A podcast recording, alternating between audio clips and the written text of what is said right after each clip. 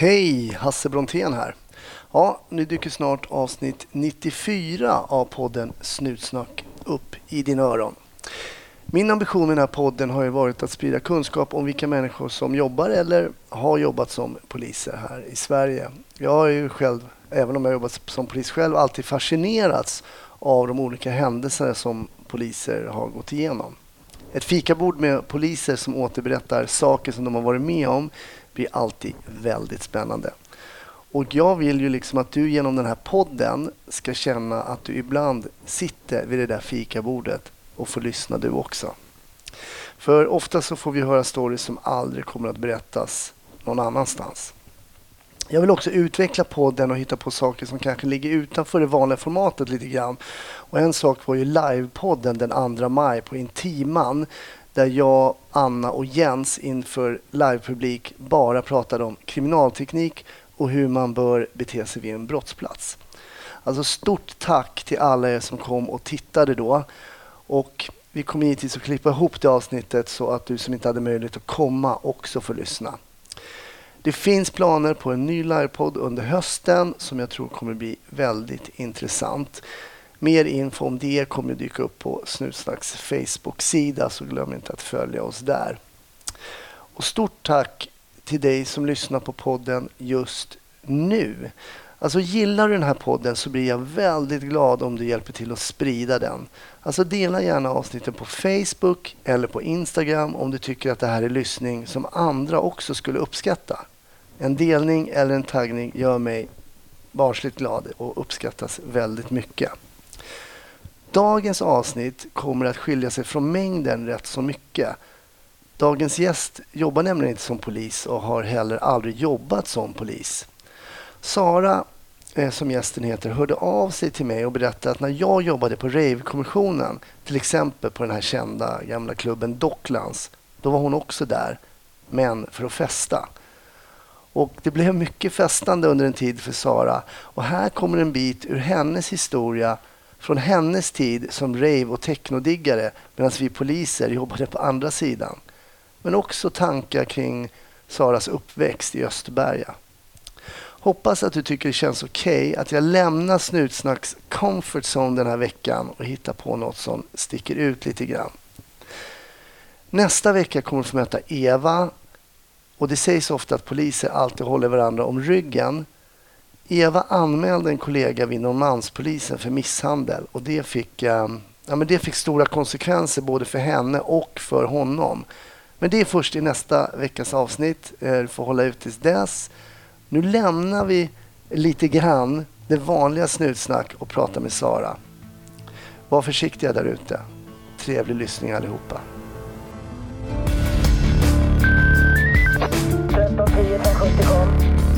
1310 Odengatan kom. Ja, det är uppfattat. Vi tar det. Slut. Bra. Klart slut. Varmt välkommen till Snutsnack, Sara. Tack. Du jobbar inte alls som polis. Nej, man skulle kunna säga tvärtom faktiskt. Tvärtom. Vad jobbar du med idag? Uh, ja, alltså idag jag, jag eh, studerar. Mm. Uh, jag håller på och uh, doktorerar inom ämnet socialt arbete. Okay. Så jag skriver en avhandling om sociala rättigheter i det svenska välfärdssamhället. Okej. Okay. Mm. Och då undrar ju säkert du kära lyssnare, varför sitter då Sara här som gäst i det här avsnittet av Snutsnack? Jo, det är nämligen så att du mejlade mig Sara. Mm. Eh, under den tiden som jag och några med mig jobbade på det som kom att kallas för Rave-kommissionen så var du ute och rejvade. Mm, precis. Mm. Berätta, var, var, var kommer du ifrån från början från Sverige? Um, från början så kom jag, jag är född i Stockholm. Mm. Jag bor inte kvar i Stockholm längre. Men uh, jag är född och tillbringar mina första fyra år i Rinkeby. Mm. Uh, med en storebror och en mamma och en pappa. Uh, när jag var fyra så flyttade vi till Östberga. Mm. Eh, och där är jag sen uppvuxen och gått i skolan och, och ja, tillbringar mina tidiga tonår i alla fall. Då. Östbergabackarna? Östbergahöjden. Östbergahöjden. Ja. Mm. Just det. Mm. Uh, Hur var din uppväxt? Uh, ja, Den var ganska jobbig. Mm. Uh, jag... Och, och, fin ibland också, måste man säga. Inte bara jobbig, men, men jag hade då en, en pappa som var eh, klassisk eh, byggnadsarbetare. Han var rörmokare och så att vi hade väldigt stor eh, stolthet i, i sitt yrke. Så han var röris.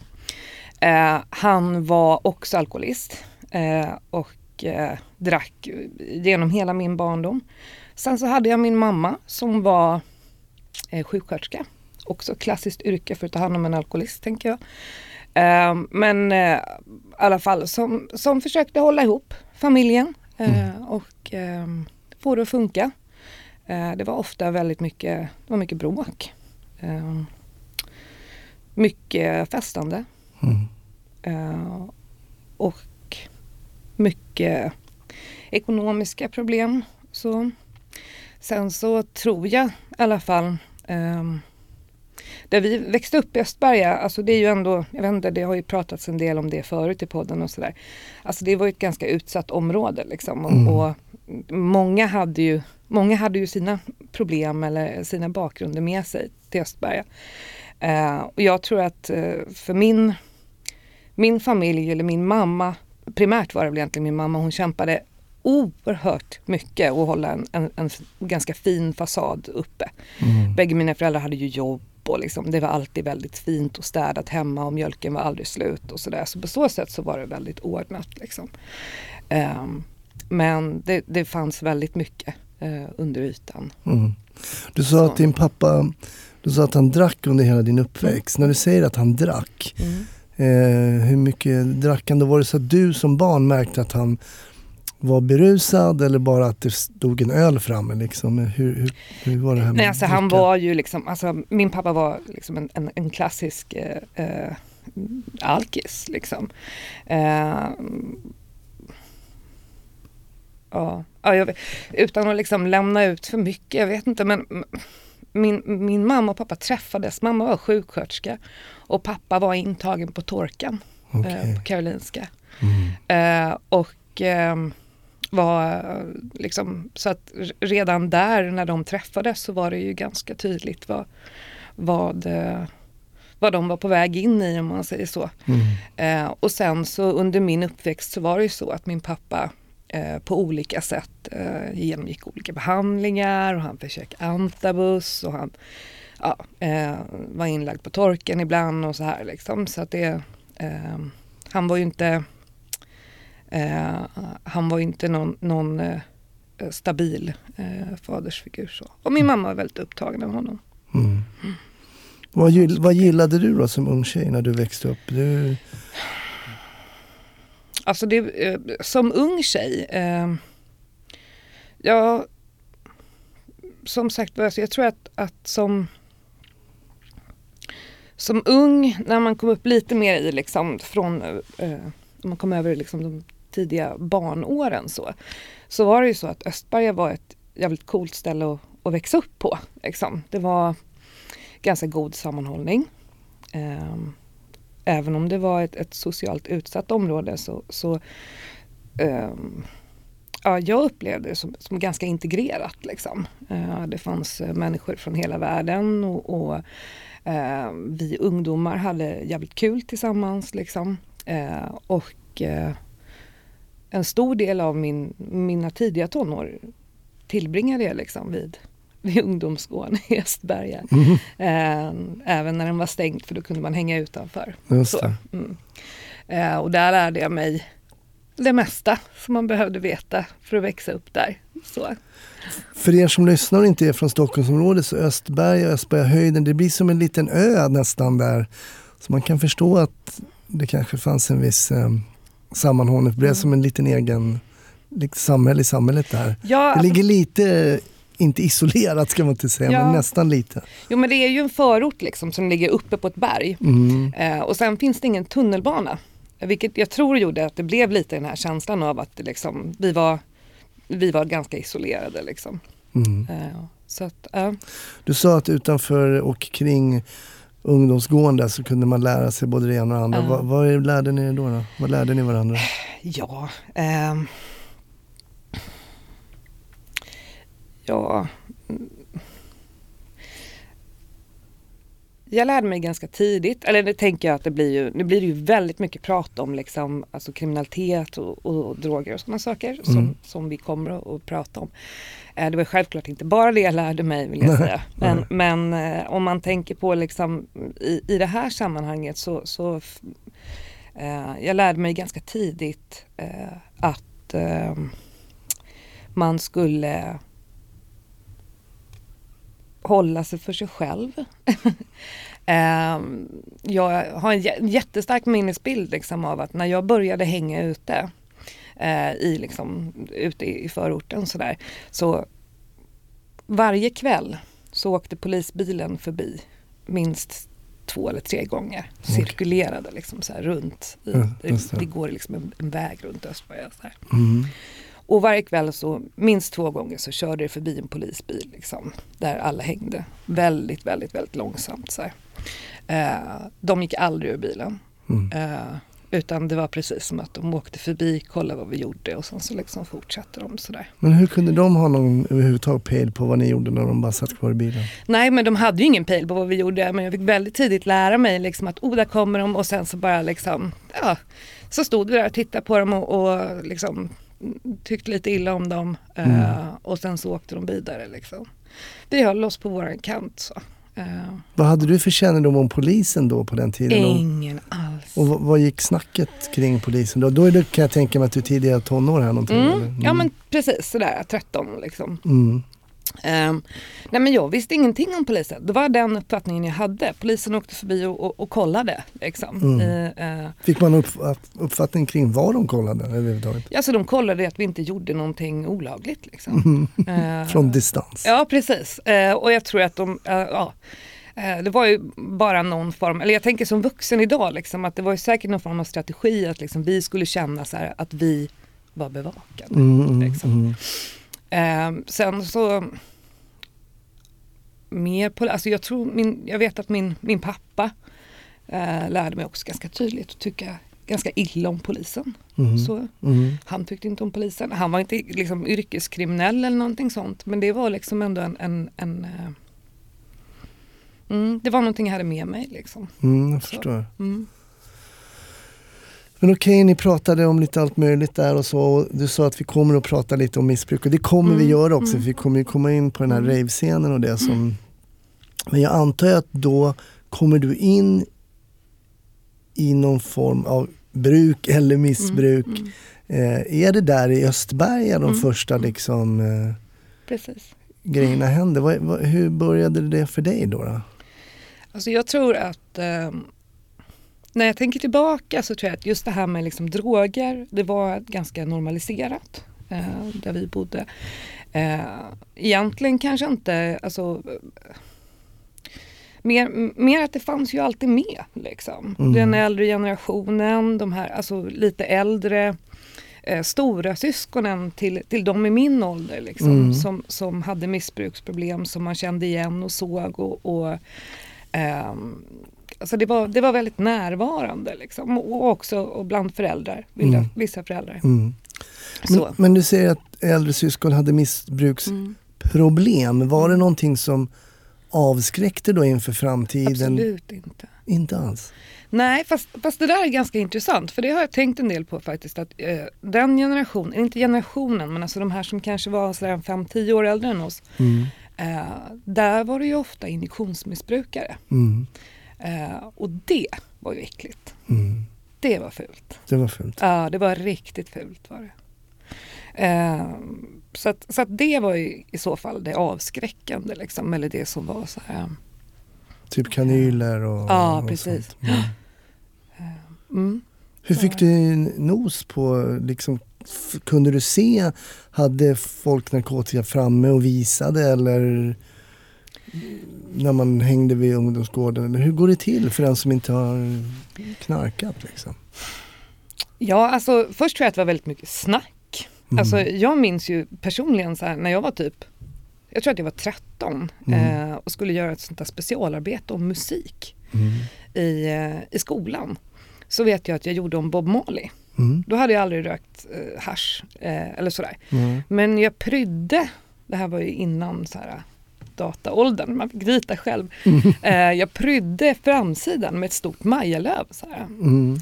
eh, och nu säger inte jag, alltså, men det var ju mycket, alltså, det var ju så mycket snack då. Liksom. Mm. Eh, det, det, det, bara, det, var, det fanns liksom överallt och, och, och jag tror att långt innan jag själv testade mm. så hörde jag ju om väldigt många andra som hade testat. Mm. Eh, sen var ju liksom, jag hade en ganska tidig alkoholdebut. Som, hur, hur är tider då? När är det? 13. 13. Mm. Mm. Som vi alla hade, vill jag ju säga. Alltså mm. det var ju så här skolavslutningen i sjuan liksom. Mm. Eh, som var den stora. Eh, och då hade jag eh, Egentligen var det så här att alltså jag, jag, jag stal eh, tabletter av min pappa. Vet jag, vid några tillfällen när jag var ganska ung. Vad då för eh, tabletter och hur visste du vad de Nå Någon sorts lugnande eller sömnmedel tror jag. Han hade fått dem utskrivna från Mariakliniken eh, för att han in, ja, som hjälp att han inte skulle dricka då. De låg uppe i skåpet och, och, och jag vet att jag, jag tog några sådana och stoppade i mig och gick till skolan. Oj, mm. eh, och eh, sen så gick jag hem igen. Men vad, vad fick du, vad, ja, precis, vad fick du för eh, effekt? Av det alltså jag blev jättetrött. Eh, det var mm. inte så att jag på något sätt liksom upplevde det som någonting positivt. Nej. Men jag tänker ju idag liksom att det säger ju någonting om hur jävla nyfiken jag var på det här. Liksom. Mm, mm. och hur stort behov jag hade av att liksom testa vad, vad funkar. Liksom. Mm, mm. så, att, så att så Sovershem så var det ju också väldigt, eh, väldigt, väldigt vanligt på den tiden. Jag, vet, jag tror inte att det är så vanligt då, eller nu, men, men då var det ju så. Vi hade en period där vi sniffade väldigt mycket. Mm, det ser man ju extremt, alltså det var, jag kommer inte ens ihåg när jag såg det senast. Nej, men alltså det, och det Tinner var ju, alltså eller? Eh, nej, så här, tinner, men eh, tänd, såna tändargas. Ni boffade? Ja, vi boffade, ja. precis. Mm, mm. Uh, och även så här kemiskt ren bensin och sånt här. Alltså allt uh, som, som luktade starkt. Liksom. Vad fick du effekt för effekt av den här Det var en väldigt, väldigt stark effekt. Alltså för det måste jag säga att det var nog min första liksom, starka effekt av att, uh, positiva effekt. Så. Mm. Um, och vi visste ju att det var väldigt, väldigt farligt. Mm. Alltså det var ju ingen hemlighet. Liksom. Men när du säger positiv effekt. Mm jag har ju aldrig eh, boffat någon gång. Och mm. boffa vet jag, vet inte om det är dagens slang men på den tiden sa man i alla fall boffa. Ja, Vad bestod den här positiva effekten av för dig? Alltså det var ju en, en väldigt så här, skön, lugnande känsla i kroppen. Mm. Eh, alltså väldigt fysiskt eh, lugnande men också känslomässigt liksom välmående. Mm. Eh, ganska, jag tror att det är ganska hallucinogent också. Jag för mig att liksom, man blev väldigt utslagen väldigt fort. Man kunde liksom, eller man och man. Men jag, vi satt mycket så i skogarna, skogsdungarna runt Östberga mm. eh, och, och satt med våra påsar eh, och, och boffade. Och då vet jag att det var liksom så här, vi, vi bara satt där, eller låg på marken liksom. Mm. Och, och um, ja. Pratar man med varandra eller är man inne i sin egen lilla grej eller hur funkar det? Ihåg riktigt. Mm. Alltså jag tror att vi, vi grejen är alltså med när man boffar då eller sniffar så alltså man, effekten försvinner ju jättesnabbt. Liksom. Man mm. tar ett andetag och sen så blir man jättesnurrig. Så fort man andas utanför den här påsen då så, så blir man ju liksom klar i huvudet igen på något sätt. Så det var väl svårt att prata när man hade munnen i en påse tänker jag. Just, just men, men ähm, ja. Var det någonting som dina föräldrar upptäckte? Att nej, nej. Aldrig. Det, det, det, det, och det tror jag faktiskt aldrig vi har pratat om heller. Nej. Hur gammal var det här? Hur långt efter din alkoholdebut? Ja, men alltså, det måste också varit då någon gång, så mm. 13-14 års åldern. Det var ju mycket lättare att få tag på eh, alltså, sånt här, vad heter det? Tändargas och sånt här mm. än vad det var att få tag på alkohol. Mm. Och mycket starkare effekt. Jag vet att man pratade även om att eh, liksom gasen i de här grädde Just det, gräddsifonerna. Gräddsifonerna, lustgas, lustgas mm. och sånt också. Mm. Mm.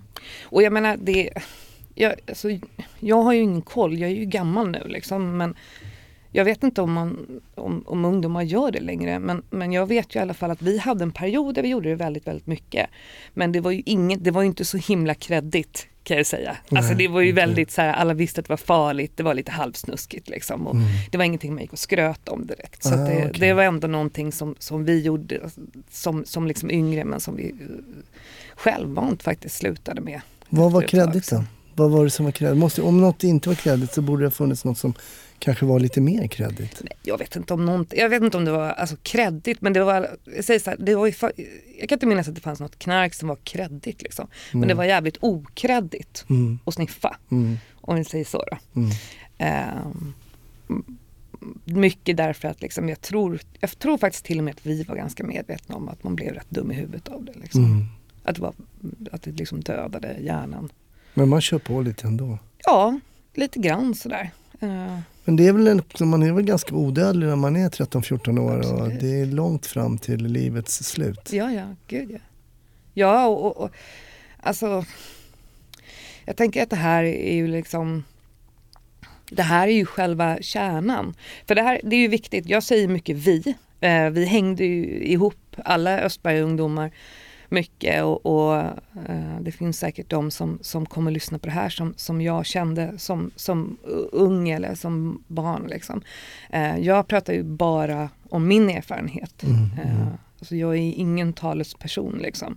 För mig var det ju så det här med att bara köra på, alltså jag tänker ju att det var den klassiska missbrukarens mentalitet. Liksom. Eller, alltså min beroende personlighet. Jag hade, det var helt ointressant för mig att det var farligt. Mm det, det fyllde en funktion. Liksom.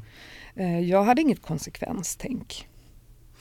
Fanns det en tanke, men du berättar att du, du stjäl tabletter av din pappa mm. i skåpet, du, sen så går du över till boffar. Så här, mm. Fanns det en vision om vad mer som fanns där ute som skulle kunna få dig att må ännu bättre så att säga? Eller lite längre än bara ett andetag i den här påsen? Liksom? Mm. Nej men det, det var faktiskt rätt roligt för under en period där tror jag, fram tills jag var så här uh, 14 uh, på väg mot 15 så var jag ändå väldigt anti droger. Liksom. Uh, mm. Jag hade ju många kompisar som, som eller äldre kompisar så där, som testade och kom i kontakt med det här. Jag var väldigt anti, så här, men det räcker att dricka. Liksom. Uh, och att jag hade stulit tabletter av min pappa till exempel, det var ju ingenting som jag hade berättat för någon. Liksom. Uh, så jag var väldigt, väldigt anti. Tills första gången jag provade. Då gick det över. Så och var det. provade vad? Uh, ja, så det var ju egentligen hash. Mm. Första gången som jag rökte hash. och, eller första gången som jag fick en effekt av det. För det är mm. inte, ja. första gången som jag fick en effekt av hash så, så det var en äldre kille som eh, vi eh, hade hamnat, vi var i en lägenhet och eh, det var en äldre kille, en väldigt eh, erfaren missbrukare som eh, visade mig, han hade, eh, han hade hasch och han visade mig hur jag skulle göra, hur jag skulle mecka eh, och sen så rökte vi tillsammans och eh, jag vet att just där och då när jag kände liksom effekten av det här så var det ungefär som att det var ungefär som att liksom jag, jag, jag fattade inte varför gör inte alla det här hela tiden? Mm. Det var liksom det. Uh, va, va, vad är liksom, varför går folk... Jag, på riktigt så tänkte jag så här, det finns ju ingenting annat än det här mm. som är viktigt. Liksom längre. Det var en så sån oerhörd positiv Det var så jävla starkt liksom. Och jag verkligen, du vet på riktigt så var det så här, det här ska jag göra så mycket jag kan och så ofta jag kan. Mm. Liksom. Eh, det fanns ingen tanke om liksom att oj det här är farligt eller tänk om jag blir beroende mm. eller så. Utan alltså, känslan av välmående var så jäkla överhängande. Liksom. Mm. Eh, så att... Eh, Fortsatte du hänga med honom? Alltså, nej, han hade precis jättekonstigt. Men han hade precis muckat eh, från kåken och det var ju lite häftigt bara det. Mm. Liksom. Han hade suttit i fängelse och eh, det var ju lite kreddigt liksom. Eh, det är fascinerande vad mm. olika saker kan vara kreddiga. Ja, eller hur? Jag tänker, jag känner, jag hör ju hur det låter. Det är Nej, men liksom, jag, jag köper det. är ju eh, pinsamt idag, men alltså det, det finns ju så mycket motsägelser i det här. Liksom. Mm. Det destruktiva hade ju verkligen en dragning, mm. liksom, för mm. mig. Mm. För mig hade det det. Um, och jag tror att det hade det för många, men att det är liksom uh, ja, det krävs lite distans för att kunna erkänna sådana saker, för det är inte jättecoolt. Liksom. Sådär. Uh, men ja, nej jag, jag, träffade inte honom mer. Alltså, det var bara här, det var i den här lägenheten den här kvällen. Jag precis muckat och liksom, ja, skitsamma. Men, men i alla fall på något sätt så blev det så. Han visade mig hur jag skulle mecka. Uh, jag kommer ihåg det så väl för han sa så här, kan du mecka den här? Uh, och, och jag var så här, nej men jag vet inte hur man gör. Han bara, det är såklart du kan mecka, det kan alla kärringar. Och sen förklarade han, mig, förklarade han för mig hur man gjorde. Eh, och det var så här, ja men det var hela den här upp, jag var, kände mig så jävla utvald liksom. Han kallade mig för kärring. Alltså det var här, nej men på riktigt så var det, så här, tycka. Eh, men det kändes det, liksom det som att han liksom på något sätt att du eh, var hans lärjunge uh. och du fick lära dig ett hantverk på något sätt? Eller hur? Och, och, att jag fick vara, eh, att, att liksom han som var så mycket äldre och så här liksom. Mm. Det var, det, ja. Vad snäll han var som lärde ut Ja, ja men lite så. Vad coolt, vad häftigt liksom att jag fick lära mig av honom. Så, ja. Han är död idag kan jag säga. Han dog av en överdos. Mm. Men antagligen inte av hash. Nej, av heroin. Mm. Mm. Hur, hur lång tid dröjde det innan du provade någonting annat än cannabis då? Ja, och, ja då kommer vi ju in. Nu är vi ju här liksom. Mm. Eh, 1995 mm. är det väl då. Eh, jag är eh, 15, 16 mm. och eh, ja, eh, röker hash. Eh, inte till vardags sådär men liksom festligt när det dyker upp sådär. Mm. det är väldigt, det är liksom, jag, jag Köpte du själv då eller blev du bjuden eller hur fungerade Både det för och. dig? Jag köpte själv men i små mängder. Liksom. Mm. Jag har aldrig varit någon knarklangare utan det är Nej. liksom eget bruk. Så. Mm. Uh, och, och, när, man, när man är så liksom, liten och, och sådär, så jag hade ju aldrig några pengar att köpa några stora mängder för eller så här, liksom, utan det var ju verkligen så här en knatch liksom. Köpte du bara en liten en knatch? Liksom? Alltså ett gram. Liksom. Ja precis, ja, precis. nu kommer vi prata riktigt... lite slang här men ja, precis det är ett precis. gram, en liten bit hasch helt Var det riktigt lyxigt så kunde man ju kanske köpa en femma liksom, eh, mm. fem gram eh, mm, och, och, och, dela sådär. Um, då i alla fall. Och de här kontakterna då, där de som sålde det här, var det uh. vänner eller vänner till vänner eller var det alltid genom någon man kände? nu blir jag lite paranoid för så tänkte jag så här, jag kan ju inte säga. Nej vi ska inte hänga ut någon nu, det är så många år sedan. Men det är intressant bara liksom hur, hur de här kontakterna kommer. Ja. Jag behöver inte nämna något namn eller nej, så men nej. är det folk man känner som säger ja. den säljer? Men precis, och, så, ja. och, det, och jag menar det är ju väl, alltså eh, på den nivån, alltså det var ju verkligen så ja ah, han har hemma liksom. Det fanns ju i Östberga. Mm. Eh, och då kanske det var så här, ja ah, han kunde uh, ta en liten bit av, av sitt liksom och sälja vidare eller sådär. Eh, det var inte så att man gick hem till den stora knarklangaren och, och nej, nej, nej, så. Utan det var ju verkligen liksom, mm. ja. Men nu är du 15, 16 ja. någonting, det är 95. Ja. Vi, um, vi röker hash. Vi eh, dricker alkohol, men jag tyckte nog mest om att röka hasch. Eh, och eh, en, en kompis ringer till mig och frågar, bara ska du följa med till ett sånt jävla coolt ställe? Mm. Jag var där förra helgen. Det var fan det häftigaste jag varit med om i hela mitt liv. Uh, och, och, vi hade inte umgåtts på ett tag. Uh, jag vet inte om vi någonsin egentligen hade umgåtts så här jättetajt liksom. Och jag, jag, antar att hon, hon ville ha någon att gå dit med. Hon hade varit där helgen innan med en annan och så kunde inte den följa med och så ville hon gå tillbaka. Men sådär liksom. Uh, och jag bara, pff, ja visst, uh, okej okay, liksom. Um, uh, och det här var ju då Docklands. Mm. precis, det, det måste varit i oktober.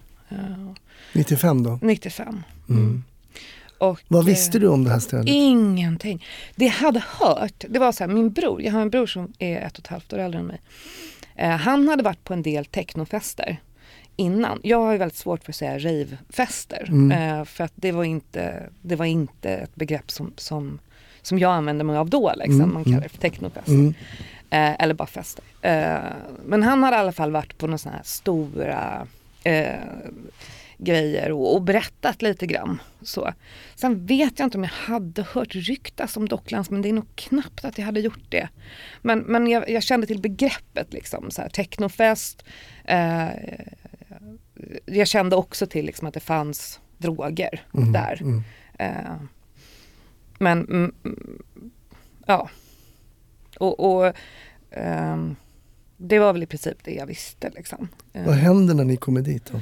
Alltså det var jag och min kompis och en kille eh, som, som också kom ifrån eh, där vi kom ifrån.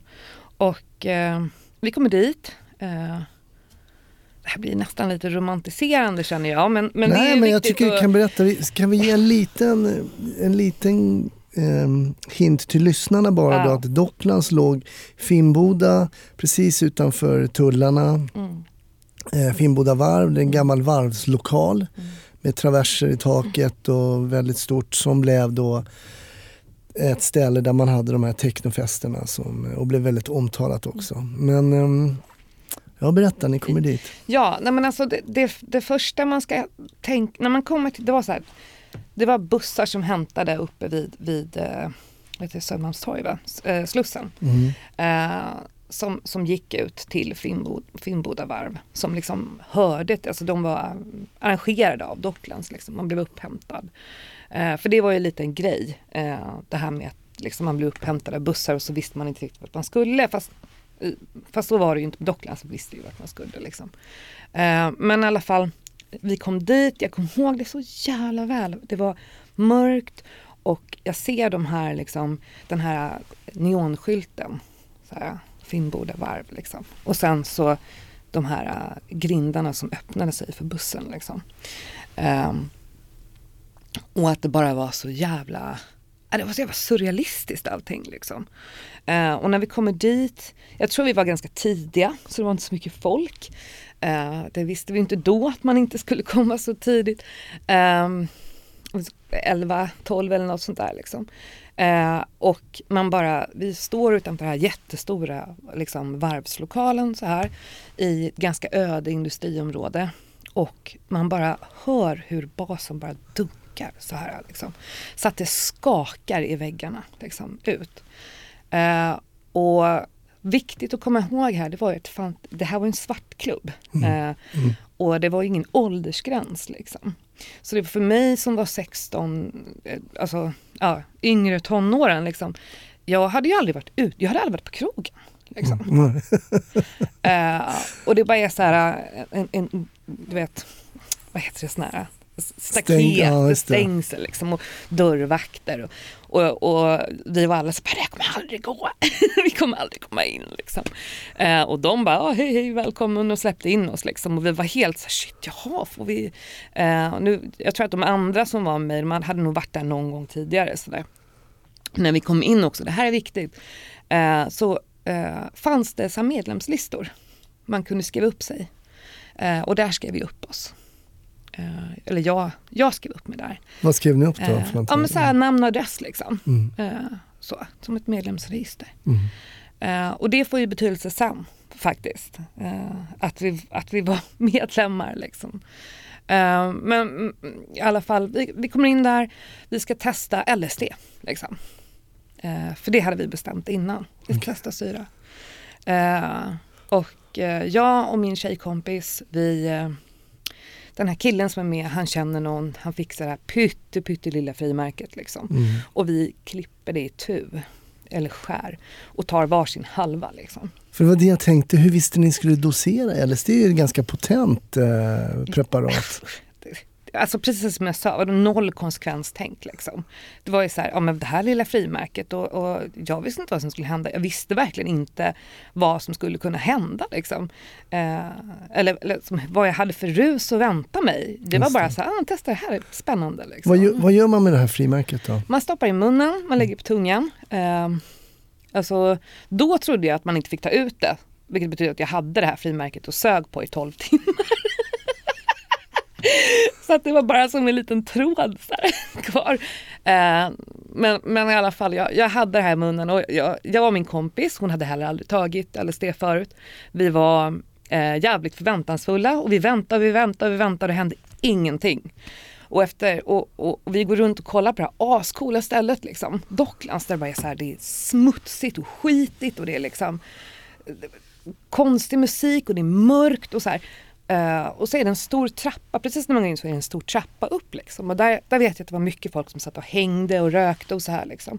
Mm, det var uh, lite soffor där uppe. Och... Ja precis, men trappan var ju ändå lite så här, för där satt man och såg när folk kom. Just det, liksom. exakt. Mm. Um, och jag vet att i alla fall så, så vi två, jag och min kompis, vi står där och pratar med varandra och bara Fan vi har blivit blåsta liksom. Det händer ingenting. Vi har betalat, och det, det är ju så roligt, det, den kostar 100 kronor en mm. sån här trip liksom. Vi har betalat 50 spänn för ingenting.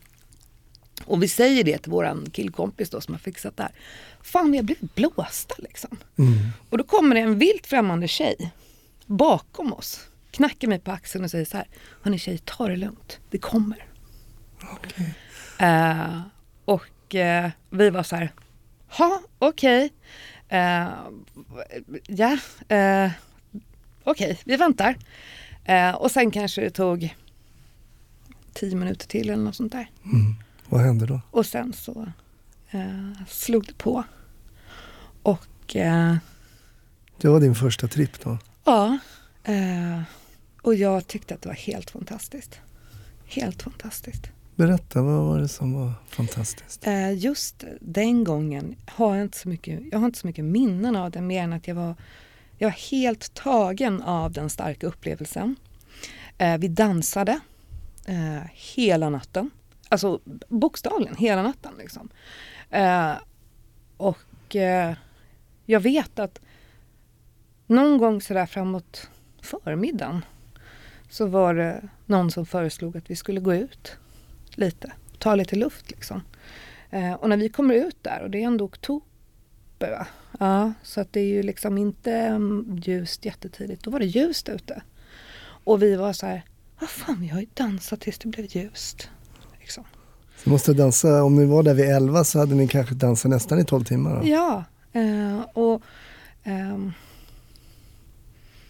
mm, det var, det var en, en, eh, en, en stark upplevelse och eh, ja, det gav ju, väl, gav ju mer smak om man säger så. Eh, LSD var ju väldigt liksom, alltså det är ju hallucinogent. Mm. Eh, man blir ju inte jättetrevlig, eh, social eller sådär utan man går ju väldigt mycket in i sig själv liksom och, och eh, det känns väldigt skönt i kroppen också sådär men, men ja, jag tyckte om det. Mm. Uh, gjorde jag. Dåliga vibrationer är att skära av sig tummen i köket. Ja! Bra vibrationer är att du har en tumme till och kan scrolla vidare.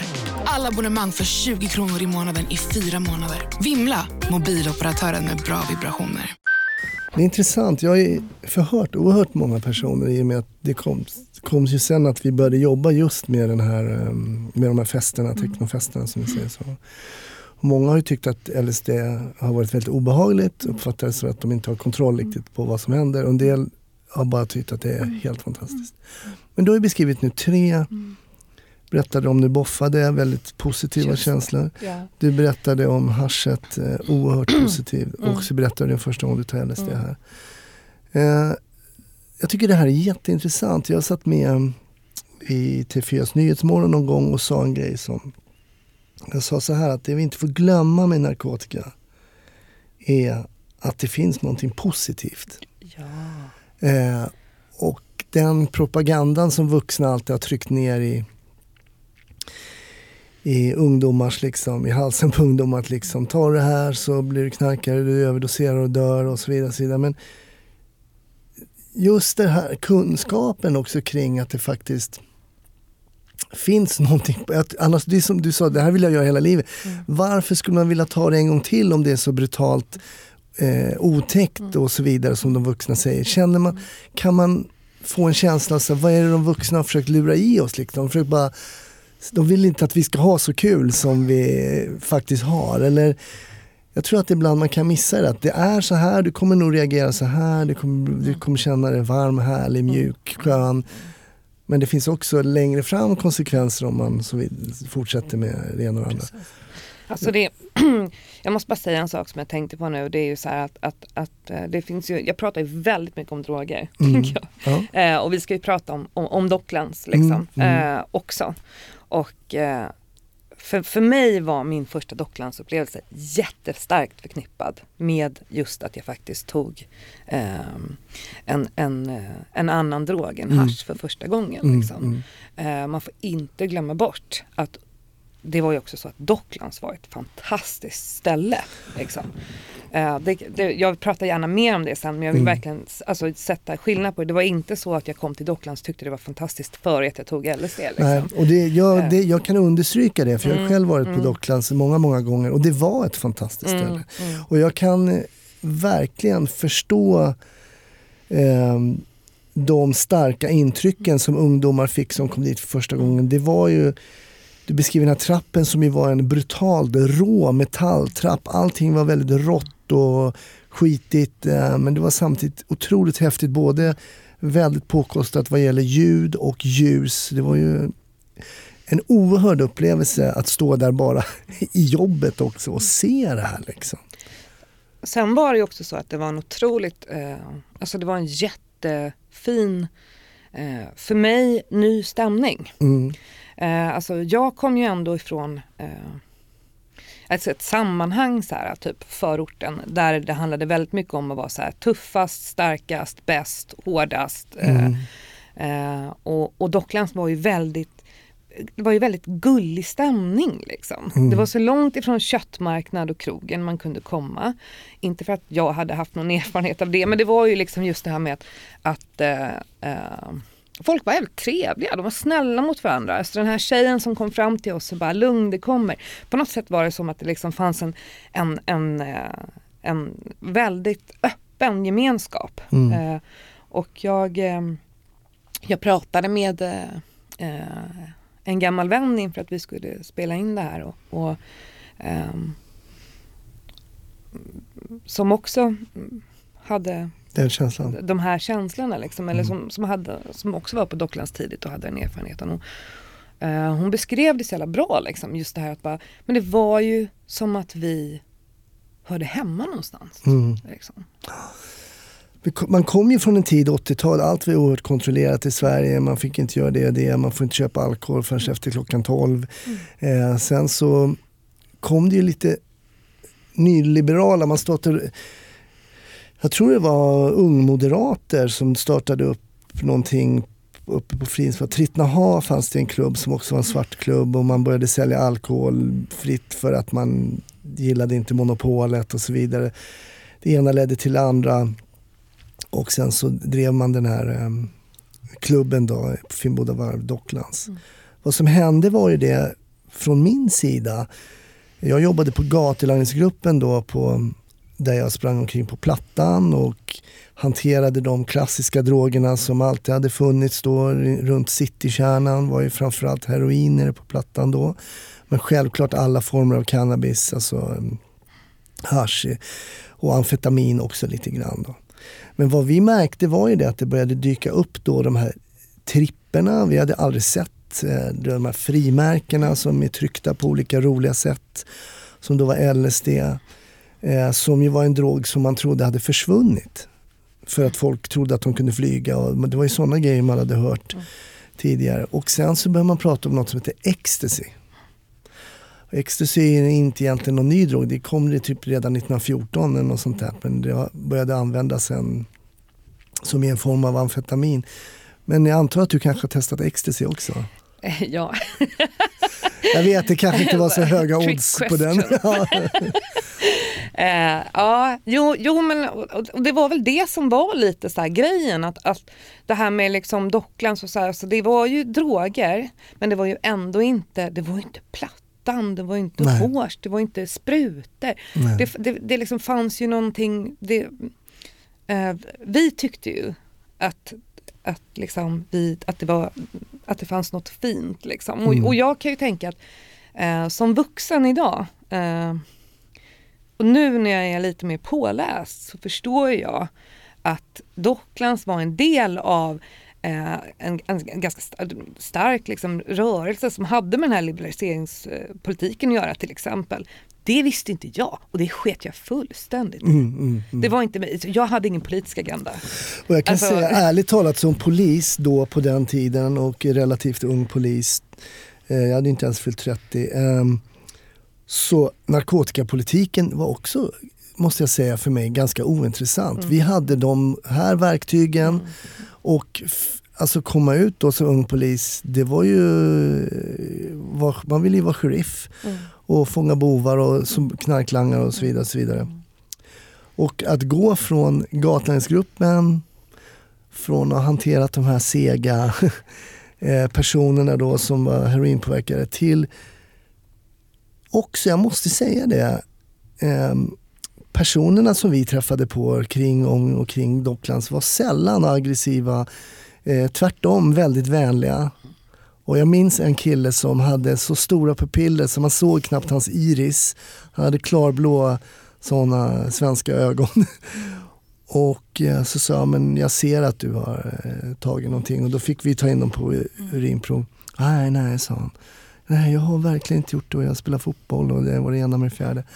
Ja, men så du får följa med i alla fall. Och sen när vi sitter på polisstationen så säger han så här till mig, du, ja, så jag skulle vilja be om ursäkt. Jaha, varför då? Jag har ljugit för dig. Jag har tagit ecstasy. Och den såg man sällan från eh, folk som hade tagit kokain. Det är fint att det var för att han hade tagit ecstasy också som han var så här lite. Han bara, nu, nu har vi ett moment. Ja, precis. Ja, mm. Och, uh, och vi kom in Sen vet jag att du var med på det första tillslaget. Mm. det måste ha varit redan i början på 96 eller? Mm. Ja, det. För det sattes två poliser som skulle kolla lite om den här kulturen och det var Patrik och David och jag vet att jag i alla fall träffat på någon av dem. Eller du hade sett? Jag känner igen dem, känner igen jag känner igen dem bägge två. Mm. Så.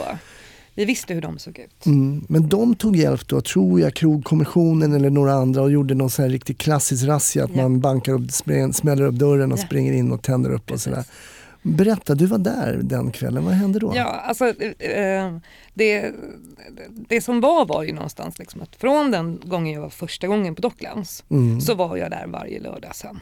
Mm. Det fanns liksom, det, det var från öppning till stängning liksom. Jag bodde där och jag, jag levde mina veckor, väntade på Docklands liksom. Så, eh, så, att, så att det var ju liksom, alltså det var ju grejen. Eh, hur såg din kväll ut? Ge oss en average night at Docklands för dig. Hur? Jo, men det blev ju så efter ett tag eh, att man började lära känna folk. Mm. Eh, det, det, och det var ju också en jättestor del av det här. Från att ha kommit då som den här lilla eh, förortstjejen liksom, med ganska begränsat, eh, begränsad värld egentligen till att liksom, eh, komma ut till, till, in till stan och träffa folk ifrån liksom, Stockholm och hela Sverige egentligen. Mm, mm. Det var ju många som reste till Docklands. Mm, liksom, absolut, eh, absolut. Från, från, från eh, andra städer och sådär. Um, och det var en stark gemenskap liksom. Um, vi, fick ju jättesnabbt många nya vänner. Um, och um, så det, det, var ju mycket, jag vet att i början sådär som jag beskrev nu, eh, första gången då till exempel att vi dansade i 12 timmar. alltså jag älskar fortfarande att dansa, det är jätte, jag älskar musik och jag kan fortfarande som 40-åring gå ut och bara tokdansa för att jag mår så jävla bra av det. Liksom. Mm. Uh, men, men då vet jag ju i alla fall att det var så här, i takt med att man började lära känna folk så blev det också mer ett hängställe för mig. Mm. För mig blev det mer liksom att ja, men man dansade lite grann eller vissa gånger kanske det var mycket dans men annars var det också mycket att man umgicks. Mm. Man hängde i de här sofforna, man, man satt i trappen och snackade, man stod och kollade ut över dansgolvet, eh, sprang där nere i hamnen utanför och, och, och hängde liksom. Och, ja, det var ju, och det var ju socialt, alla, alla var ju där. Alla kom ju dit liksom. Men blev det som en ny typ av ungdomsgård om man tänker? Lite, mm, tror jag. Mm. Alltså, en ungdomsgård med droger. Hur ofta var du på Docklands utan att droga? Alltså det här är ju, det är ju känsligt och jag vet ju att det finns många människor som, som, eh, som inte Nej, det jag vet inte att det finns många människor som var på Dockland som inte tog droger. Men jag vet att det finns de som var det. Mm. Jag var aldrig där utan att ta droger. Mm. Inte en enda gång. Jo, en enda gång och det var när vi visste att polisen skulle komma och avbryta. Mm. Då tog jag inga droger. Uh, den gången vi visste att det skulle bli att vi skulle bli utslängda. Liksom. Okay. Då, då tog jag inga droger, för då, men då var det ju en, en... Hur visste ni det? Ja, men det var, jag tror att det var efter eh, den här första, eller om det var andra razzian, så, så hade ju arrangörerna gått ut väldigt tydligt med att vi får inte ha öppet, men vi kommer öppet ändå. Okay. Eh, och vi kan förvänta, jag tror till och med att de sa att vi kan förvänta oss det här. Det var mm. då de hade hissat upp DJn i taket. Okay. Mm. Så att det inte gick att stänga av musiken. Ja, det var ju så crazy allting. Men det, då tog jag inga droger och det var ju för att jag visste att polisen skulle komma. Liksom. Mm. Men, men, eh, men vi återgår till mm. den här första eh, razzian då. då. Hoppigt det blir känner jag. Nej men det gör ingenting tycker jag. Uh, det gör ingenting. Det är jag som kanske hoppar lite. Förlåt. Ja. Uh, jo men den här första razzian. Um, jag hade för en gångs skull tagit LSD. Uh, därför att från uh, från att jag var där första gången så hade jag ju testat andra droger och LSD var ju inte den drogen som var min liksom drug of choice. Så. Vilken var din uh, drug of choice? Amfetamin. Okay. Mm. Mm. Uh, och, um, som inte alls är uh, hallucinogen eller nej, inte nej, har den effekten som ecstasy har heller utan mer bara keep you awake. Mm. Mm. Ja, alltså det det kan vi prata hur mycket som helst om men, mm. men för mig eh, så... Eh, Vad man, kallade ni det för? Vaket? Chack. Sa du chack? Alltså chack. Ni gjorde det? För jag tycker det försökte en del få bort genom att kalla det för vaket till exempel. Oh, det, det kanske man sa också. Men för jag tycker chack har ju alltid haft en lite dålig, lite smutsigare ja, klang ja. kanske. Men det, det kanske, så... Man kanske inte sa det. Jag vet inte. Ja, men jag, jag tänker nog chack. Liksom. Mm. Ja, det var ju absolut eh, väldigt... Uh, och, och, ja, Uh, Förlåt, mm. jag slänger in massa olika ja, frågor det, och inte, det, låt det, inte dig få tala till punkt.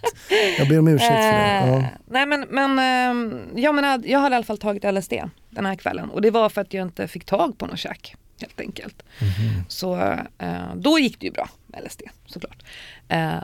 och jag hade hamnat i en soffa uppe på, jag vet inte om det fanns tre våningar då eller om det bara var två. För de byggde om hela tiden och sådär. Men i alla fall på så här mellanvåningen liksom. Då, för man kunde gå upp för den här stora trappen och sen så var det um, ett, ett stort, liksom, en stor yta där man kunde stå och titta ner på dansgolvet som var på liksom, bottenvåningen. Där fanns det också soffor. Uh, och jag hade fastnat i en sån här soffa. Uh, ganska ganska, alltså jag var väldigt starkt påverkad av LSD. Liksom och suttit i min egen värld eh, hela natten. Och jag vet inte vad klockan var. Jag hade ingen koll på liksom vad som hände där nere eller så utan jag satt där i min soffa liksom och jag, jag, tror att det hade suttit ungefär samma människor runt mig hela kvällen också. Eh, och plötsligt så, så, så är det bara en kille som sitter framför mig i en annan soffa. Eh, plötsligt så reser det sig massa människor runt omkring mig ställer sig upp, suger tag i killen som sitter i soffan framför mig och trycker ner honom på golvet. Liksom. Eh, och eftersom det aldrig var något bråk på Docklands så, så var det också väldigt, det var väldigt konstigt liksom. För att det var inte så, det var inte heller så att man tänkte så nu är det bråk liksom. Eh, och det tog, jag vet inte hur lång tid det tog innan jag förstod att det var polisen. Eh, men, men det började ju liksom surras, för plötsligt så märkte jag att det hände andra saker runt om i lokalen också. Eh, och jag antar, för att, att det hade suttit poliser liksom, med mig runt i de där sofforna hela kvällen. Okay. Som inte jag visste var poliser. Mm. Eh, som hade spanat då på den här killen som sitter mitt emot mig. Eh, därför att de på något sätt tolkade det som att han satt och sålde droger. Vilket jag faktiskt inte tror att han gjorde Nej. om jag ska vara helt ärlig. Men, men, men de hade tolkat det så. Eh, att han var någon sorts langare som folk kom och, och, och handlade av. Liksom. Um, men i alla fall uh, och jag förstår att de har, liksom haft, de har haft flera sådana personer runt om i lokalen som de har liksom spanat på och som de tänker att de måste suga med en gång. Liksom. Mm. Så. Uh, Sen blir det ljust i lokalen, musiken stängs av och allt är bara så jävla konstigt liksom.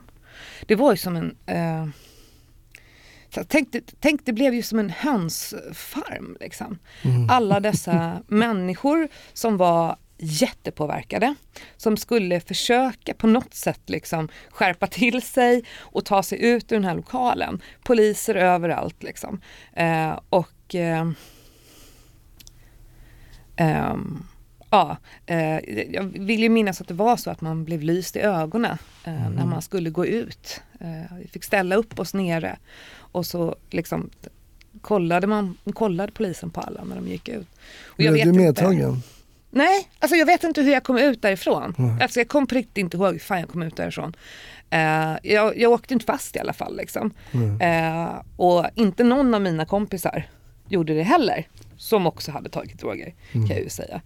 Um, utan vi kom ut därifrån liksom. Um, och um, det jag vet nu i efterhand det var ju att man kunde att det fanns väldigt mycket droger att plocka upp på golvet inne på Docklands mm. eh, efter den här scenen. Ja, det här var ganska känt inom i alla fall narkotikapoliskretsar och vi som jobbade då, vi jobbade ju på Gatländska upp, jag hörde om det här ganska fort mm. och det var, man beskrev då hur det låg liksom överallt. Både påsar, små frimärkspåsar med grejer med tripper, alltså mm. det låg tabletter, det låg mediciner, alltså allting hade folk bara kastat. Så det var, um, man fick gå där och, och plocka. Ja, och det, alltså det är ju eh, speciellt den här tiden innan polisen kom. Liksom. Mm. Uh, så min upplevelse var ju att det var en fristad för narkotika. Liksom. Mm. Uh, sen så det var säkert folk där som inte tog droger.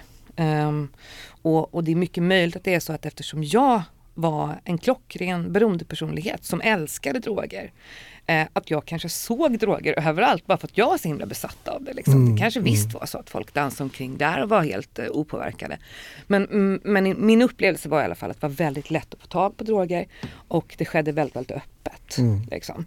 Eh, och, och att just det här att det var, man var, jag var inte rädd för polisen.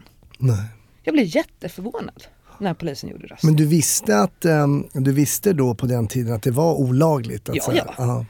Ja fast det var, ja jag kan inte riktigt, men jag blev väldigt väldigt förvånad i alla fall och förvånad över att polisen hade lagt ner det här arbetet och det satt folk som hade typ klätt ut sig till, till uh, rejvare. För så var det ju verkligen då. Uh. Att det satt liksom, de hade ju suttit där så undercover i mm. den här soffan hela kvällen. Liksom. Mm. Uh. Hur mycket tror du att det påverkar att, tror du folk säger så nej men ta inte den här trippen, det är olagligt. Nej, det är ju helt, o, o, helt oviktigt liksom. Mm, mm. Uh, och, och alltså ska man prata sen om, om, om, om, om Rave-kommissionens arbete liksom så, så Alltså jag vet ju att ni hade jävligt bra siffror. Mm. Ja. Jag, har ju inte, jag är inte polis va? men jag har, jag har jobbat inom statligt verk och jag vet ju att pinnarna är jävligt viktiga. Liksom. Eh, resultaten är viktiga. Mm. Eh, och jag tänker att det säkert var bra eh, för eh, Rave-kommissionen eh, att få alla de här pinnarna. Men det är precis som i all annan verksamhet att vara liksom, vad är egentligen vad blir effekten av de där pinnarna? Det vet vi ju faktiskt inte. Nej. Jag tror att den var ganska minimal faktiskt. Mm, precis, för att man, jag började jobba på den här, man startade upp den här rave-kommissionen då. Mm. Och um, jag tror att länspolismästaren hette Gun och Gunmo på den tiden. Ja, mm. Och den hette inte rave-kommission, det hette någon så här roten för ja, någonting med ungdomar, mm. ungdomar och missbruk och så. Eh, Eh, man plockade oss, eftersom vi jobbade med gatulangning, jag gjorde det då, så tog man oss, vi var ju vana att gå civilt och ja, vi var ganska duktiga. Sen var det ju så att jag och en kollega till mig, vi hade 1994 gått en kurs hos LAPD i Kalifornien. Eh, där vi lärde oss att se tecken. Hur ser man att någon är påverkad? Hur ser man att någon är påverkad till exempel av opiater, det vill säga heroin? Hur ser vi att folk är påverkade av eh, psykedeliska droger som LSD och så vidare, kanske PCP eller något sånt. Där. Och vi gjorde en rikstäckande polisutbildning han och jag, för hela Sveriges polis. Hur vi... Så vår grupp var ju väldigt duktig på att se och vi Dels är det väldigt lätt att se just de drogerna vi har pratat nu, till exempel ecstasy är ju kanske den lättaste av alla. Där vi ser extremt vidgade pupiller, Alltså fingrar, hyperaktiva rörelser, käkar som biter, folk som slickar sig runt munnen. Det var, det var många saker man kunde se. Sen var det vissa droger som var väldigt svåra att se. Till exempel om någon hade rökt på eh, någon timme innan de kom till Docklands. Det var för oss ska jag säga väldigt svårt mm. att se. Pinnjakten fanns egentligen inte som en uppmaning från chefer och sådär. Jag skulle säga att vi var extremt drivna. Att plocka folk som var påverkade och få det sen att leda till någonting annat. Men min fråga till dig, hur förändrades Dockland från tiden innan att poliserna var till att tiden att poliser började komma och besöka Docklands? För det gjorde ju vi. Jättemycket. Mm. Alltså det var ju inte längre samma sak. Nej. Inte alls. Eh, alltså jag tror att vi fortsatte gå på Docklands. Eh, eh, I alla fall till viss del. Eh, och jag kommer inte ihåg alla turer liksom. Men, men, men det som var var ju att, eh, eh, jag tror, jag vet inte om man stängde igen Docklands eller om det var så att polisen kom och stängde varenda gång eller något sånt där. Men det fanns ju ett annat ställe som heter Le Garage, som mm. var på Herkulesgatan. Mm. Eh, som var en, en, det var ju någon form av nattklubb som stängde två. Eh, och efter att den stängde så brukade ju typ Docklands öppna på Le Garage, så, som svartklubb. Mm. Eh, och då blev det ju mer att vi gick dit istället. Uh, så det blev som liksom uh, nya Docklands, vilket inte alls var samma sak. Liksom. Nej, nej. Uh, men det var ju fortfarande bra musik och det var ju samma folk och så här liksom. Men, men det tappade ju lite det här Underground? Ja precis och också den här känslan alltså, som jag kan jag, jag tror ju att, att mycket av drogen också flyttade, flyttade ut i, i lägenheter. Mm andra illegala fester. Men, men, men framförallt hem till folk. Mm. Liksom. Uh, jag åkte iväg på behandlingshem sen. Uh, uh, på, på sommaren, efter sommaren 1996. Varför gjorde du det? Alltså jag förstår ja, varför, men, men förlåt. Men, men på, på ditt eget initiativ eller på, var det någon som uppmärksammade? Nej, det var ju socialtjänsten som, som placerade mig. Sen var jag inte tvångsomhändertagen utan det var enligt socialtjänstlagen. Men vem, men var det inte på grund av drogerna? Jo, jo, jo, jo, jo absolut. Men jag upptäck... var inte LVU-ad, jag var inte Nej, jag förstår. Liksom. Men vem upptäckte att du hade missbruksproblem? Ja, alltså det var ju eh, en kombination, men bland annat mina föräldrar. Mm. Um, och um, jag um, uh, till, till, saken hör, jag ska inte göra för lång historia av det, men till saken hör att min pappa gjorde en, en behandling och blev faktiskt efter väldigt många försök uh, under hela sitt liv, han slutade dricka. Mm.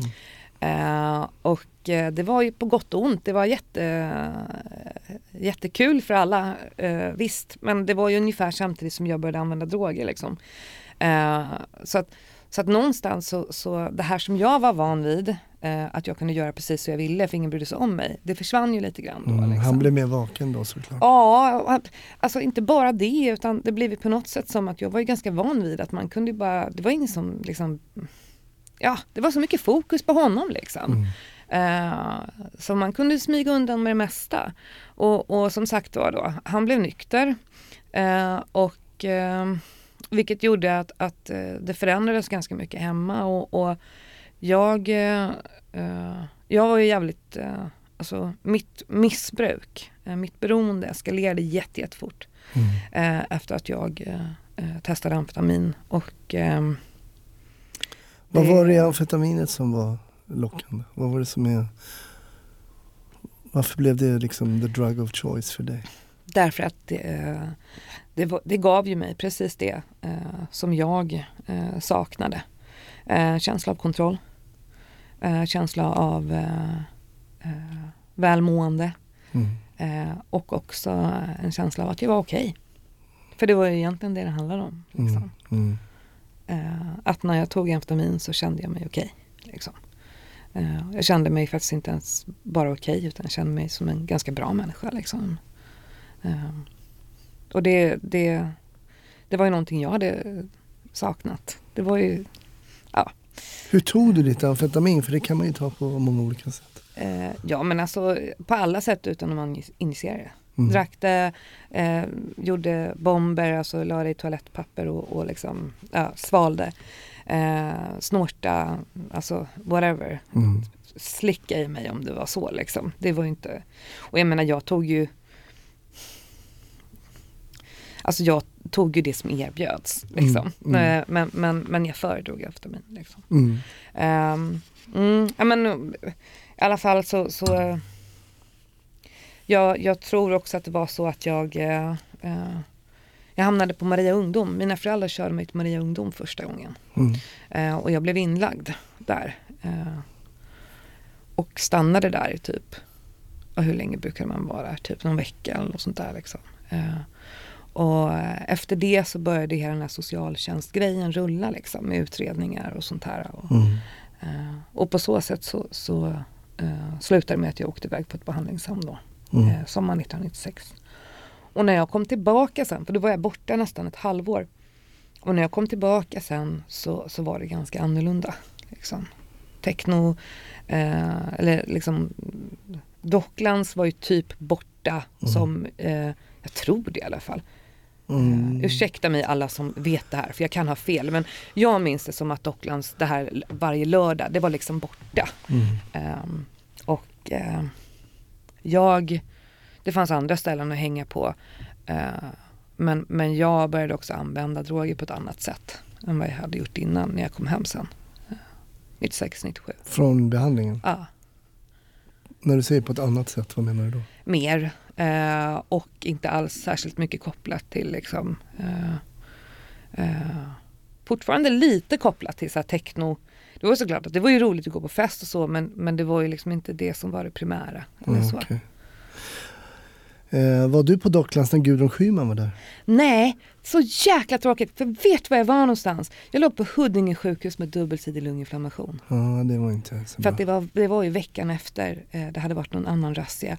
Och, ja, ja, men skitsamma. Det, men jag var där. Jag, tolk, jag tolkar det som att det var en konsekvens av att jag hade blivit utslängd av polisen i snön. Just, ah, För därför okay. jag hade dubbelsidig lunginflammation. Det pratade jag mycket om. Jag vet inte om, om jag tror att det var så idag faktiskt. Kommer du ihåg att du eh, träffade oss från Revkommissionen? Att du pratade med oss?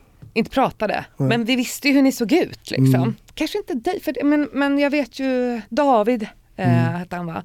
Och den här andra Oh. Patrik. Patrik, precis. Lasse de, det var ju liksom de, och det, det, vet jag ju att det var sådär att, att, att man kunde få utpekat liksom. Där är, där är han från Rivkommissionen och så var det mm. någon som stod i något hörn och typ dansade lite diskret. Så här. Min bild var ju, efter att ha jobbat där, vi fick ju mycket skit för att vi var ute efter, vi ville förstöra den här kulturen och vi förstod ju vi förstod ju, vi var inte dummare än att vi fattade att vi var partypoopers. Mm. Eh, vi förstörde ju mångas fester. Och vi, det här var väl för många som att när man har snott liksom alkohol och mamma och pappas eh, flaskor och smyger iväg och på någon fest och så kommer föräldrarna sen och upptäcker dem. Och vi, det är inte riktigt jämförbart men det var ju lite så, man smygknarkade. Och jag kommer vi hade möten med discjockeys som var så upprörda att vi var ute efter deras kultur och sådär. Vi var ganska ointresserade av, av kulturen. Och sen kan jag säga att alla discjockeys som var på det där mötet, då, om det var en 15, 10-15 stycken, alla grep för, för narkotikabrott. Det tog bara lite olika lång tid. Så min bild var att väldigt, väldigt många, och väldigt hög procent av de som var på de här festerna tog. Mm. Eh, alltså drogade. Sen var det så att vi, vi lyssnade på den här musiken. Mm. Jag själv kommer från, jag spelade ett syntband när jag gick på ungdomsgården i Bagis.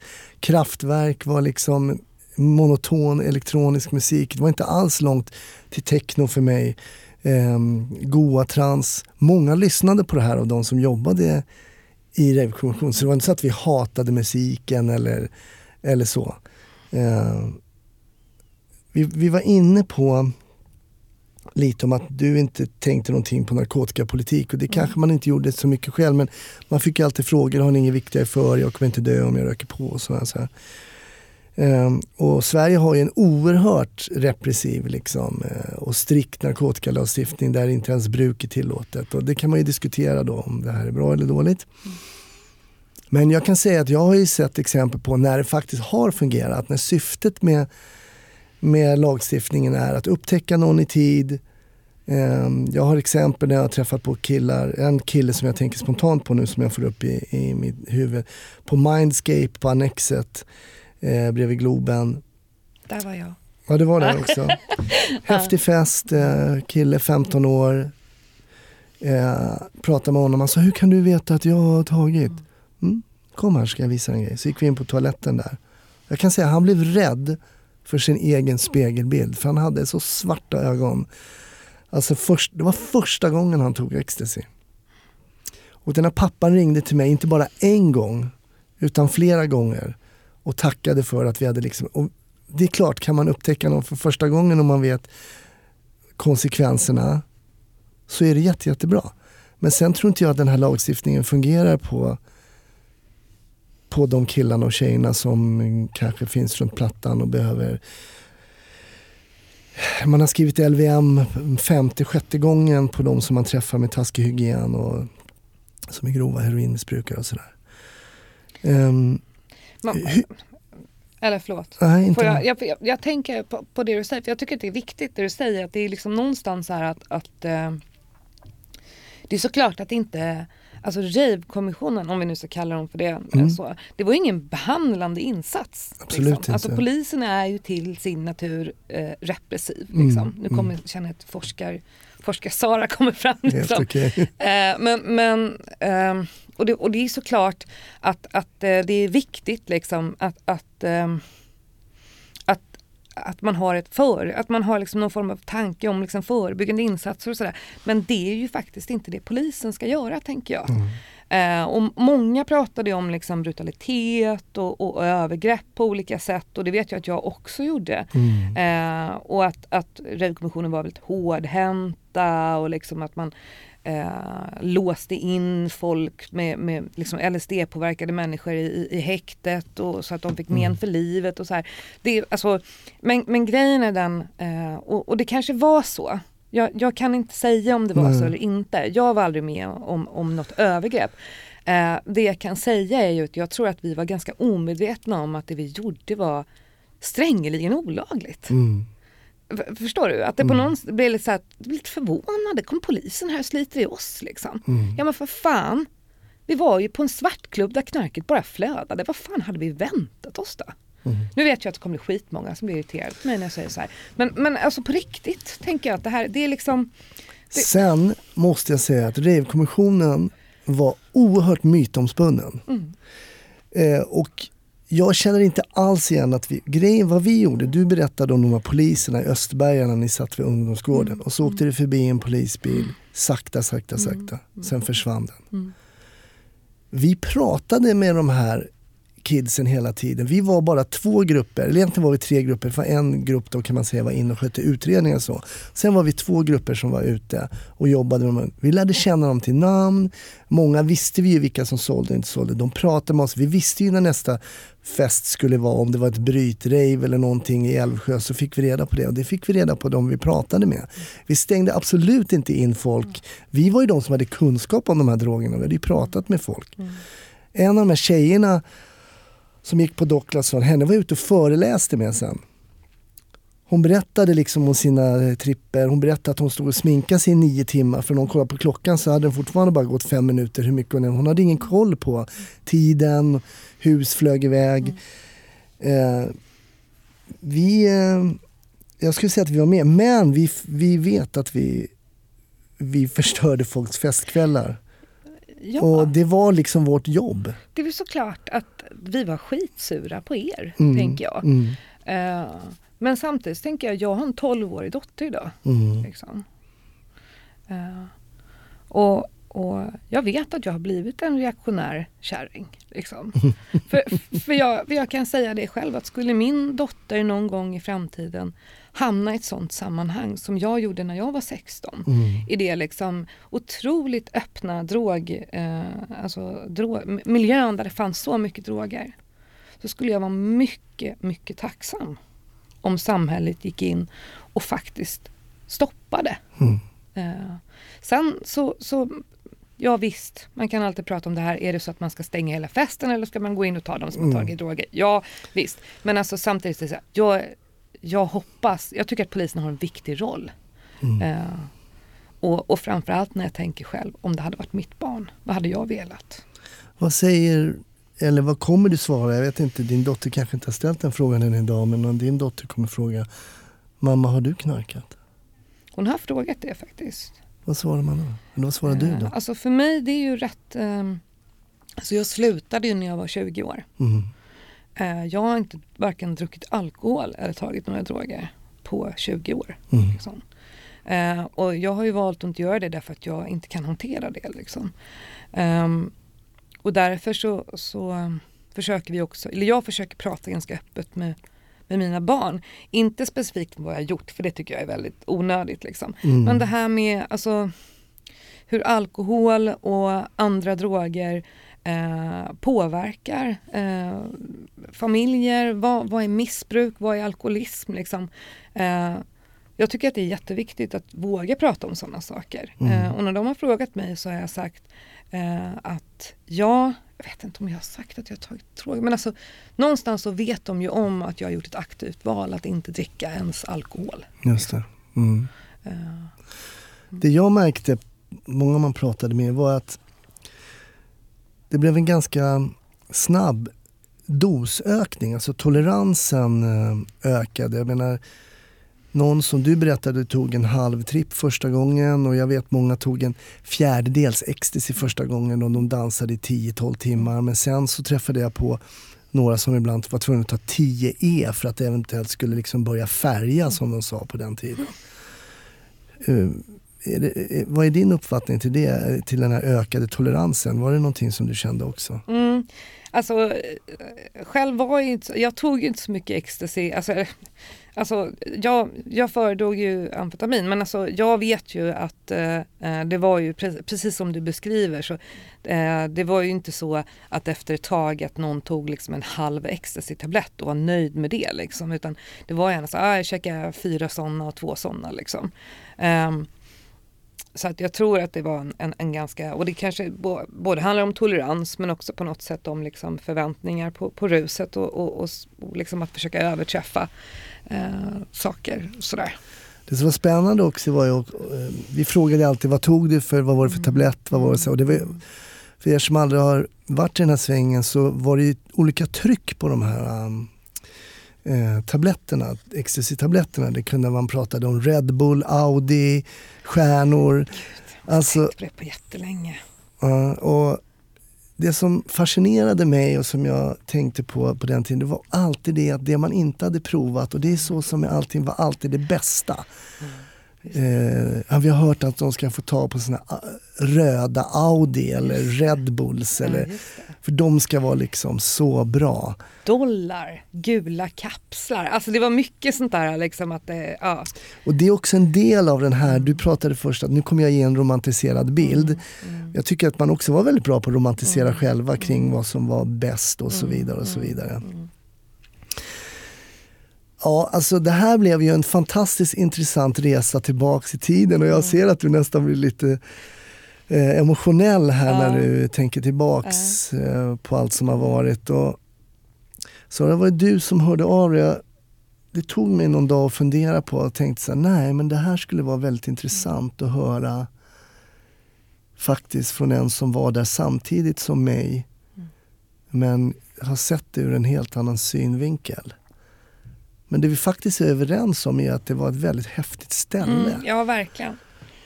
Och jag som också gillade musiken mm. eh, uppskattade ibland att komma mm. dit. Alltså på ett sätt, jag visste att jag var där för att jobba och sådär. Mm. Och, och många, många fester. Och sen var det ju så att jag tror att om de som drev det här som ju var eh, superliberaler alltså och mm. nästan eh, anarkister. Alltså det var ingen ska, jag behöver inte körkort för att köra bil, jag, ingen stat ska styra och så vidare. De var ju otroligt eh, in i det tänket. Och Mats Hintze var ju sen, senare känd för eh, OS-bombaren. Det var ju han som mm. blev dömd för att skulle spränga Nille-statyn mm. på Lidingö. Mm. Så var en annan kille som hette Anders. De var ju, hatade ju verkligen oss poliser. Mm. Och jag kommer ihåg en gång vi kom dit, skulle gå in, vi visade legitimationerna och skulle komma in och då säger, jag tror det var Mats Hintze som sa det, vad visar ni upp det där för? Tror du att det där är någon jävla inträdesbiljett mm. eller? Mm. Vi fick inte komma in, men mm. vi kom ju in ändå. Mm. Men jag tror att hade man haft lite mer kanske samarbete kontra arrangör, polis där, hade det kanske kunnat leva vidare. Det vet jag inte, men det var, min bild var att det var oerhört mycket knark där. Ja, eh, jag, jag, faktiskt, jag, för jag tog som sagt var kontakt med en, en, eh, en gammal vän eh, inför det här avsnittet. För som, jag bad henne om hjälp att komma ihåg det är så länge sedan. Liksom. Eh, och, och, och, jag var så här, var det bara jag? Eh, för att jag tog så mycket droger själv? Eller var det så att det var så jäkla mycket knark liksom? Eh, och, nu ska jag inte, för det gjorde ju hon också. Så det, mm. det, kan ju vara samma sak med henne liksom. Men, men, men alltså jag, jag känner ändå att jag fick någon sorts bekräftelse i liksom att ja, men det var ju mycket, och speciellt då liksom, innan. Sen kan jag säga, jag har varit på, på Docklands när det har nyöppnat som drogfri. Drog och alkoholfri och dansat okay. och haft skitkul. Mm, mm. Men det är ju inte samma sak. Det kan man ju säga. Mm. Uh, jag har haft många, jag har vänner som har varit där som har blivit lysta i ögonen av uh, polisen som inte använt droger.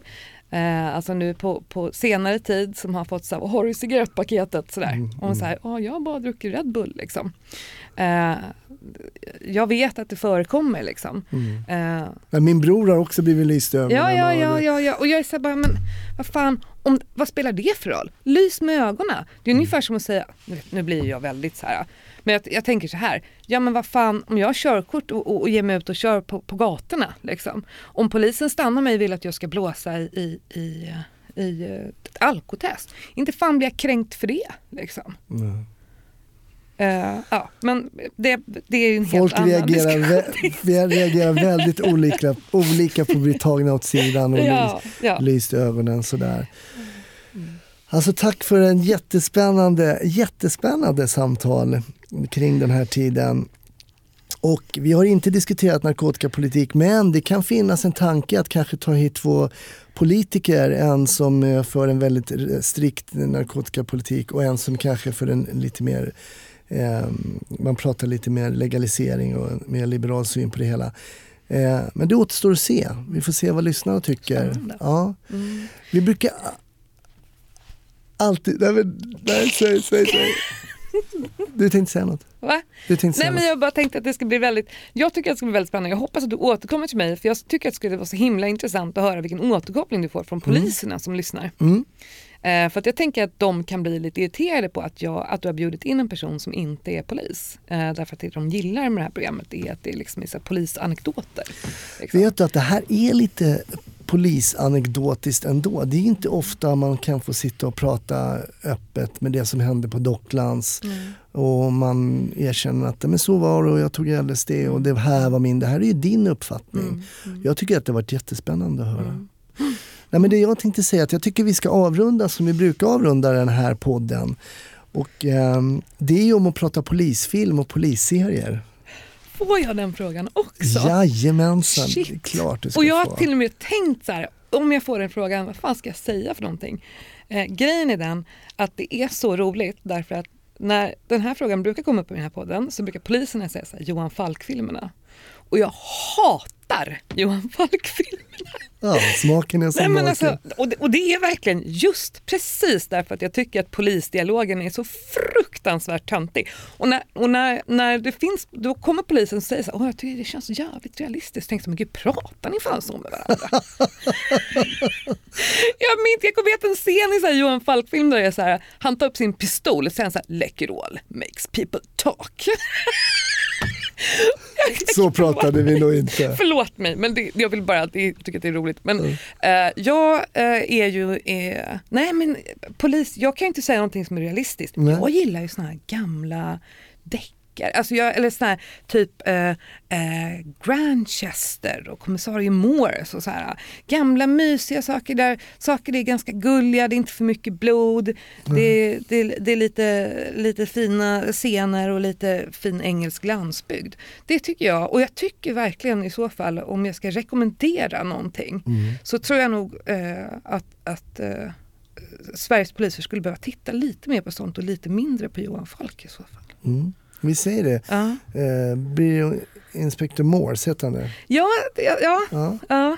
Som brittisk, klass, klassisk, ja, väl, väluppfostrad brittisk exakt, polis. Exakt, exakt. There's been a murder. Ja. Stort tack Sara. Ja, tack.